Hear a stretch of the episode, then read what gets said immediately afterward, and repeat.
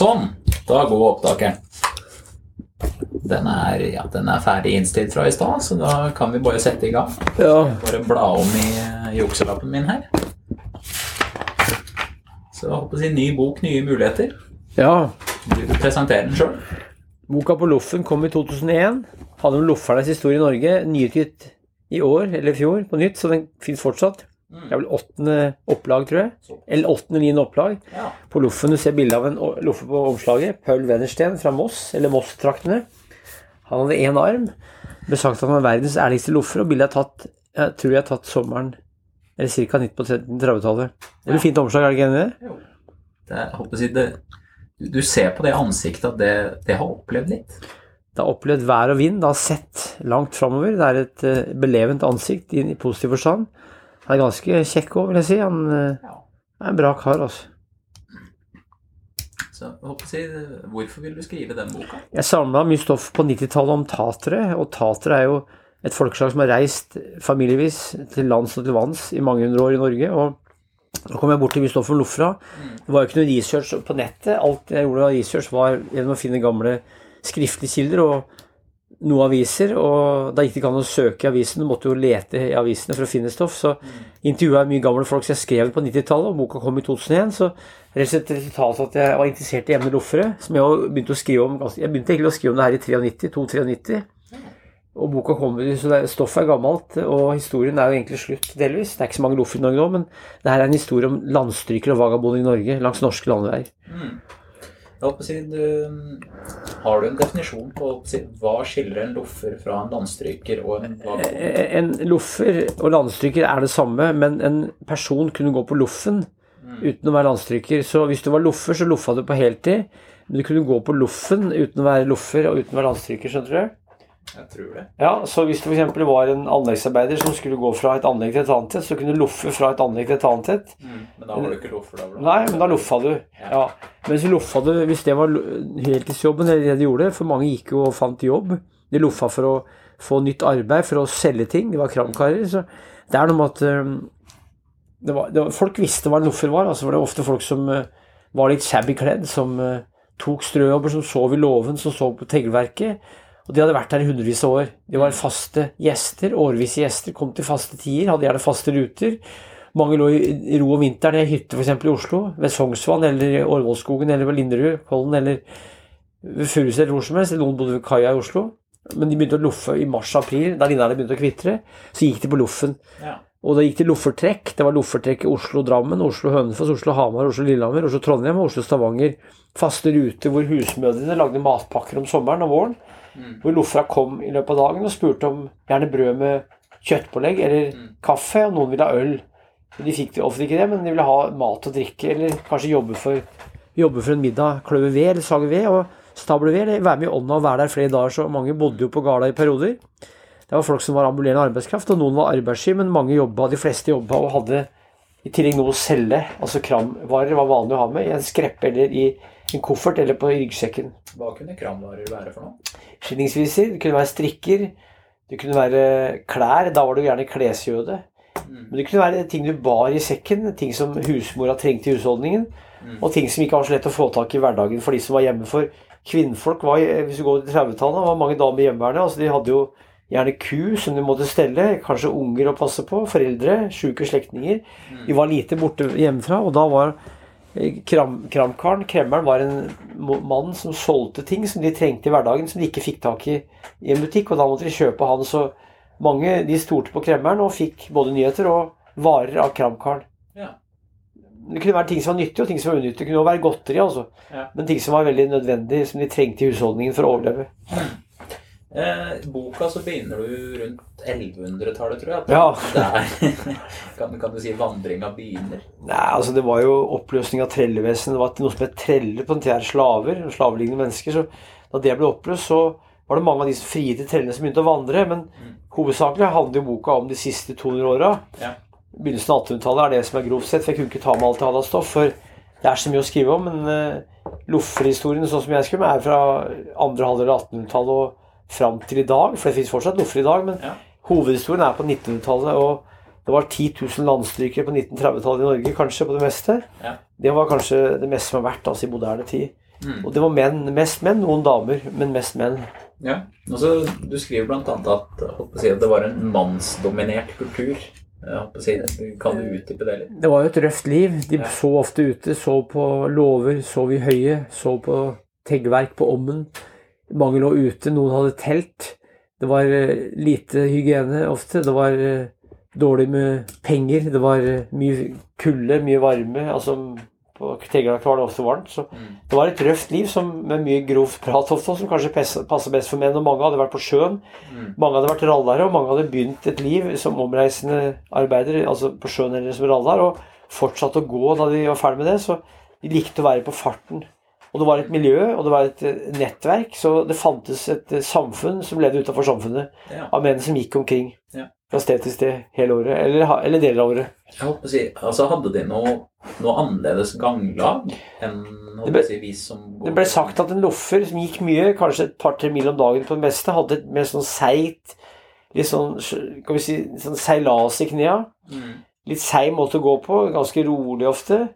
For de hadde ikke dårlig tid, og de gikk veldig mye, så de hadde en slags loffergange var en bestemt måte å gå på, ble det sagt. Ok. Og de ble kjent på klærne, som gjerne var på 90-tallet sixpence-lue, dressjakke og litt elegant, men kanskje også litt bomsaktig. Mm. Blanding av litt elegant og litt forsoffent. Ja. Det er masse bilder i boka. Ja, det er det, er det absolutt. Nå finnes i pocket igjen, så den er ikke så, er ikke så dyr. Det er Nei. masse rart her, altså. Ja. Jeg tenkte på, på å si kostholdet. Hva, hva spiste de De tok det de fant, og det de fikk, og det de kunne kjøpe billig. Og mange fikk jo flesk på gala. De hadde fleskhunger, for de var Eller fetthunger, de de så mye utendørs. Var mye i kulda, da får du lyst på feit mat. Kalorier. De spiste gjerne mat for å få mest mulig kalorier, ikke minst mulig. Og de lagde noe som het loffelapskaus, som var en lapskaus som alltid hadde, og noe attåt. Gjerne litt brennevin. Så de, de spiste kunne stjele noen poteter. Noen stjal kanskje noen høner, noen fikk noen egg. Mm. Så det var det at, og noen tjuvjakta, så det var en blanding av litt naturalhusholdning og litt eh, jakt og fiske. Mm. Og at de kjøpte, så det var en blanding av alt, og det var jo ikke noe det var jo ikke noe sunnhetsapostel, men de gjorde så godt de kunne og prøvde å leve, overleve. Og mange fikk jo mat på garda, så de kunne f.eks. komme til en gard, og så kunne de hogge noe ved og få en middag, eller kanskje sage ved, eller kunne kløve ved. Mm.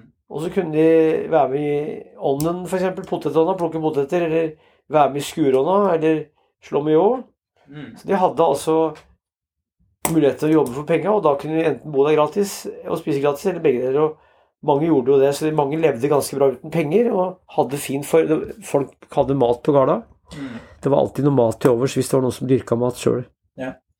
Og da kommer det jo på en måte et eh, Jeg kaller det litt artig undergruppe av matloffere. Ja. Det var loffere som bare spurte etter mat. Ja. De, de jobba vel ikke noe særlig. Nei. De var ofte arbeidssky, og de var ute etter mat. Bare så fikk de mat, så var de fornøyde. Og det var gjerne gubber som var litt alkoholiserte. Noen var litt svakelige, noen var kanskje eldre. Mm. De var altså matloffere og de levde for maten. Fikk de mat, så var de fornøyde. De kunne sove ute under åpen himmel. og Fikk de ligge på en låve, var det fint, det. Men de, var- hadde de mat, så var det det viktigste i verden. Ja. De var håper jeg, mer opptatt av å, å spise enn å ofre, sikkert. da. En del av de var feite òg. Ja. De trengte ikke gå så langt. Bare de fikk mat, så kunne de ligge og slappe av, tygge på et strå og se på himmelen suse forbi, eller skyene suse forbi. Så, eh, og så nevner du en person som vi har gjort en episode på tidligere, med Anders Melum. Ja, Ta bare en sånn kortversjon om hvem han var. Han var født i 1848 i Børsa i Skaun eh, og var eh, flink til å lese og skrive. Gikk på lærerskolen i Klæbu. Klæbu ble utdanna som lærer, seminarist, og jobba som omgangsskolelærer oppe i Vega og Brønnøysund. Kom, hun ble forelska i en elev, hun ville ikke ha han. Kom til Kristiania. Fikk seg en ny dame, hun ville ikke ha han, eller faren sa nei, og da ble en journalist i Morgenbladet og journalist i Nu, som var sin egen avis som kom ut fra 1894, to prøvenummer, og 96 til 32. Mm. Han var en ambulerende vagabond, eller vagabonderende litterat. Ikke en vanlig loffer, men en som gikk fra gard til gard og intervjua folk, og overnatta gjerne med å sitte ved en stol ved ovnen, eller peisovnen, eller ovnen, og, og var altså loffer, men ikke tradisjonell loffer. Han samla stoff til bøker og til bladet sitt Nu, Ja. som hadde ganske stor spredning på det meste. 4000-5000 abonnenter, men mange flere som leste for at det var mange som leste hvert nummer. Mm. Ja, så er det, kall det litt sånn yrkestitler med jeg håper si, Du hadde yrkesloffer, så hadde du loffekonge. Ja. Var det enda en kategori som jeg har glemt å skrive ned? Riksloffer. Ja, det gikk det over hele Norge, men loffekonger var jo folk som mente at de var kongen over Loffa. De hadde lag- gått langt, de hadde reist langt, de hadde vært mye ute. Og Loffa, så Riksloffer gikk det over hele riket. Det var en loffer som ble kalt Nordens traver, som gikk over hele Norden. Så gikk det desto lenger du gikk, dess mer status hadde du i miljøet. Det var tøft å gå langt. Men jeg holdt på å si, også- hvordan kunne de kontrollsjekke det? At du Helt umulig. Langt som, som Helt umulig. Helt umulig. Det var helt umulig. De gikk på, detal, de gikk på tillit her, altså. Ja. Mange skrøt jo og gjøg jo, men mange snakka sant om akkurat det, Også. Ja. Så, eh, men eh, jeg håper å yrkesloffer, der var det på en måte livet ditt var å loffe? Ja, da gikk de på heltid, og da, da jobba de kanskje, som sagt, underveis, men eh, da hadde de gitt opp alt annet fast liv, og gjerne var boligløs og hjemløs. Ja. Så det var viktig at var du yrkesloffer, så hadde du ikke systembo, da gikk du hele, hele året, og hadde kanskje tilholdt deg hytte om vinteren, men det trengte ikke være noe du betalte for. Det kunne være hytte du bygde eksempel i skogen, eller Mm. bodde på kaia i Oslo, noen bodde i kasser der, og noen bodde i jernbanevogner og forskjellig, så det fantes mange steder å overnatte hvis du var fornøyd med det enkle. Mm. Tenkte på si, åssen forhold hadde de til alkohol? Mange loffere drakk. Mange var jo loffere fordi de var alkoholiserte. Noen drakk seg i hjel, andre frøs i hjel i fylla. Noen slo seg i hjel, datt ned fra låvebruer. Noen drukna. Noen ble slått i hjel. Det var mange, noen brant i hjel. Mange skjebner blant loffera. Og Det var, det var noen, noen som drakk, men mange, det var mange som drakk. Men jeg vil ikke si at alle var alkiser, men mange drakk jo også for å holde varmen. Hvis det var kaldt, så var det godt å ha en liten dram. Mm.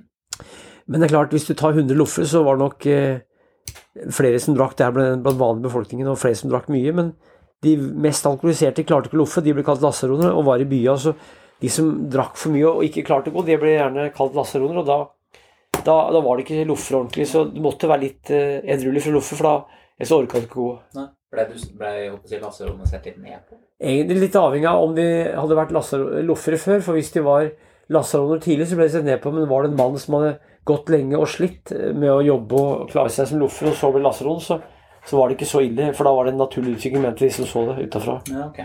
Um, du, du har et lite avsnitt om tatoveringer. Ja, Kan du si litt om de hadde tatoveringer, og det er noe som heter bomsemerke. Ja. Er det ikke tre prikker da? Jo. Det var det mange som hadde. Skal du høre noe litt artig? Ja, Det har jeg på låret. ja jeg vet. Du har ikke nevnt det før da? Ja, Det er mulig. Nei, artig at du har det. Ja. Så, men det var mest fordi jeg har et ganske stygt arr etter at jeg glapp ei isøks. Åh, Så da skjulte vi det ganske fint med å ta det bomsemerket på. Det er bra. Nei, så Mange hadde bomsemerke, og de hadde et eget um, tegnspråk eh, som var internasjonalt. og Da kunne loffere orientere seg hvor de var eh, etter å se tegnspråket som stod avmerka på telegrafstolpen, telefonstolpen eller på skigard eller på en vegg. Mm. Kom det utenlandske loffere til Norge, for det var en del utlendinger i Norge på Loffen òg, så kunne du se hvor de var og kunne orientere seg etter tegnspråket. Så de hadde altså et nettverk og en måte å eh, informere hverandre på. Eh, De hadde et lofferspråk som en monsing. Svenske sigøyner- eller taterspråket Unnskyld. Det svenske sirkusspråket monsing. Mm. Det, det kom til Norge kanskje på 1870-80-tallet, og der opptok loffra en 700-800 ord. Står ordliste i boka om det. Ja. Det er artig- mye artig navn. Artige navn, altså. Eller er ord. Ja, ja. ja. Skal vi se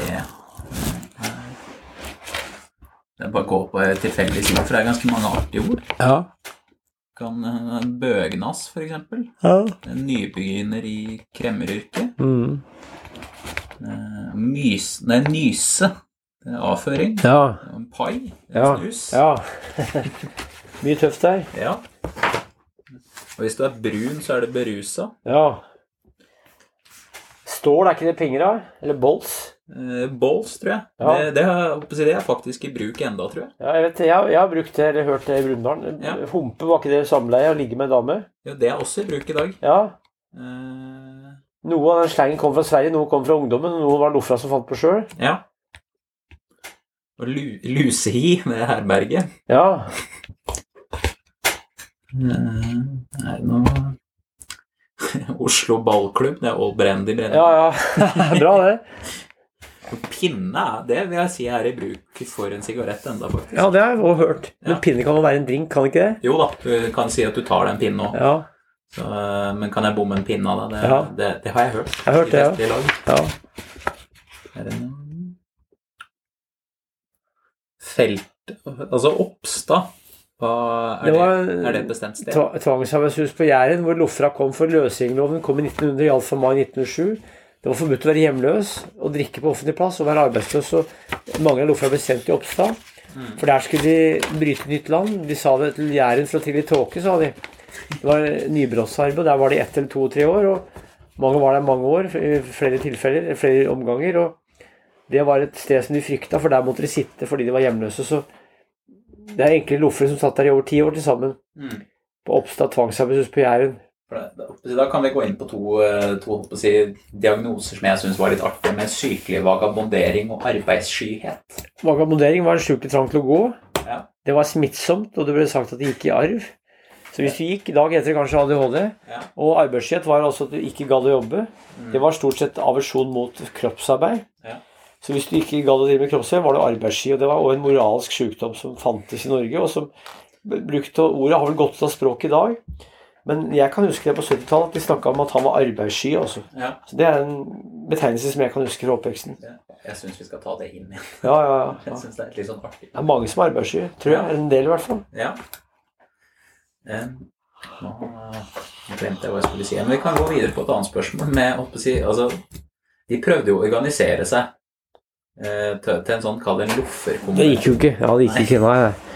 Jeg ser for meg at dette er en sånn litt sånn broka gjeng som er vanskelig å få til å møte opp på et bestemt sted til en bestemt Helt umulig. Helt umulig.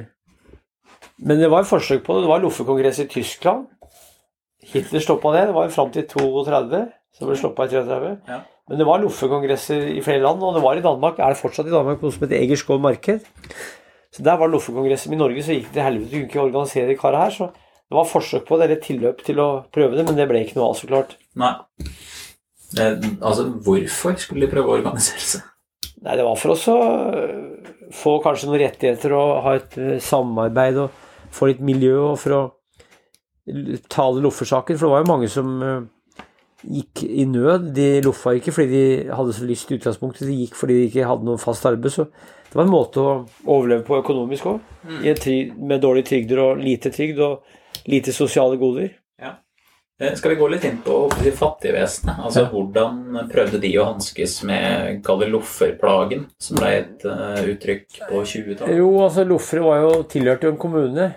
Da hadde de hjemstand i en bestemt kommune, og hvis de var på Loffen, så måtte kommunen som de hadde hjemstand i, sørge for at lofferen penga til utgiften med han hvis den kom til en annen kommune, ble dekka av de. Så da kunne loffer som gikk for rundt i ti kommuner og fikk støtte, hvis de fikk fattigstøtte, så måtte regningen sendes til en kommune han kom fra. Det var et veldig byråkrati, og noe som gjorde at enkelte kommuner fikk store beløp eh, som, som balla på seg, fordi det var en kar som loffa langt og forårsaka utgifter for andre kommuner. Så skulle de få refusjon av den kommunen han kom fra. Jeg Var det et, eh, et smidig system som fungerte godt, eller var det litt sånn ymse? Jeg vet ikke, men det her er en tid hvor kommunikasjonen ikke var så bra, men over, det var overraskende bra kommunikasjon med telefoner og Eller telegrafer, i hvert fall. Telegrafering. Så det fungerte jo, det, altså, men eh, det er klart at eh, mange irriterte seg over at Lofra fikk altså da F.eks. hvis du kom til Vestfold, så var det fra Hedmarken, så fikk du penger av kommunen der. Mm. Og så måtte det erstattes eller tilbakebetales. Så det ble ansett for et problem. For en kommune f.eks. i 1890-åra, i Furnes eh, i Brumunddal, der jeg kom fra, så var fjerdepart av utgiftene var til fattigfolk. Så beløper til fattig var store utgifter for, store byrder for kommuner prosentvis. Eh, holdt på å si musikanter, eh, altså de som reiste rundt og spilte, ble de akseptert av loffermiljøet, eller var de på en måte på sida? Det var akseptert av det, men mange loffere spilte munnspill. Noen spilte på slurva, noen spilte gitar, så det fantes loffere som hadde instrumenter, men ofte var det ikke så bra. Men hvis du var lasaron eller gatemusikant i byen, så var det ofte sist i steget, siste måten å nære seg på, for at eh, da kunne du spille bare for å få penger for sympati, altså.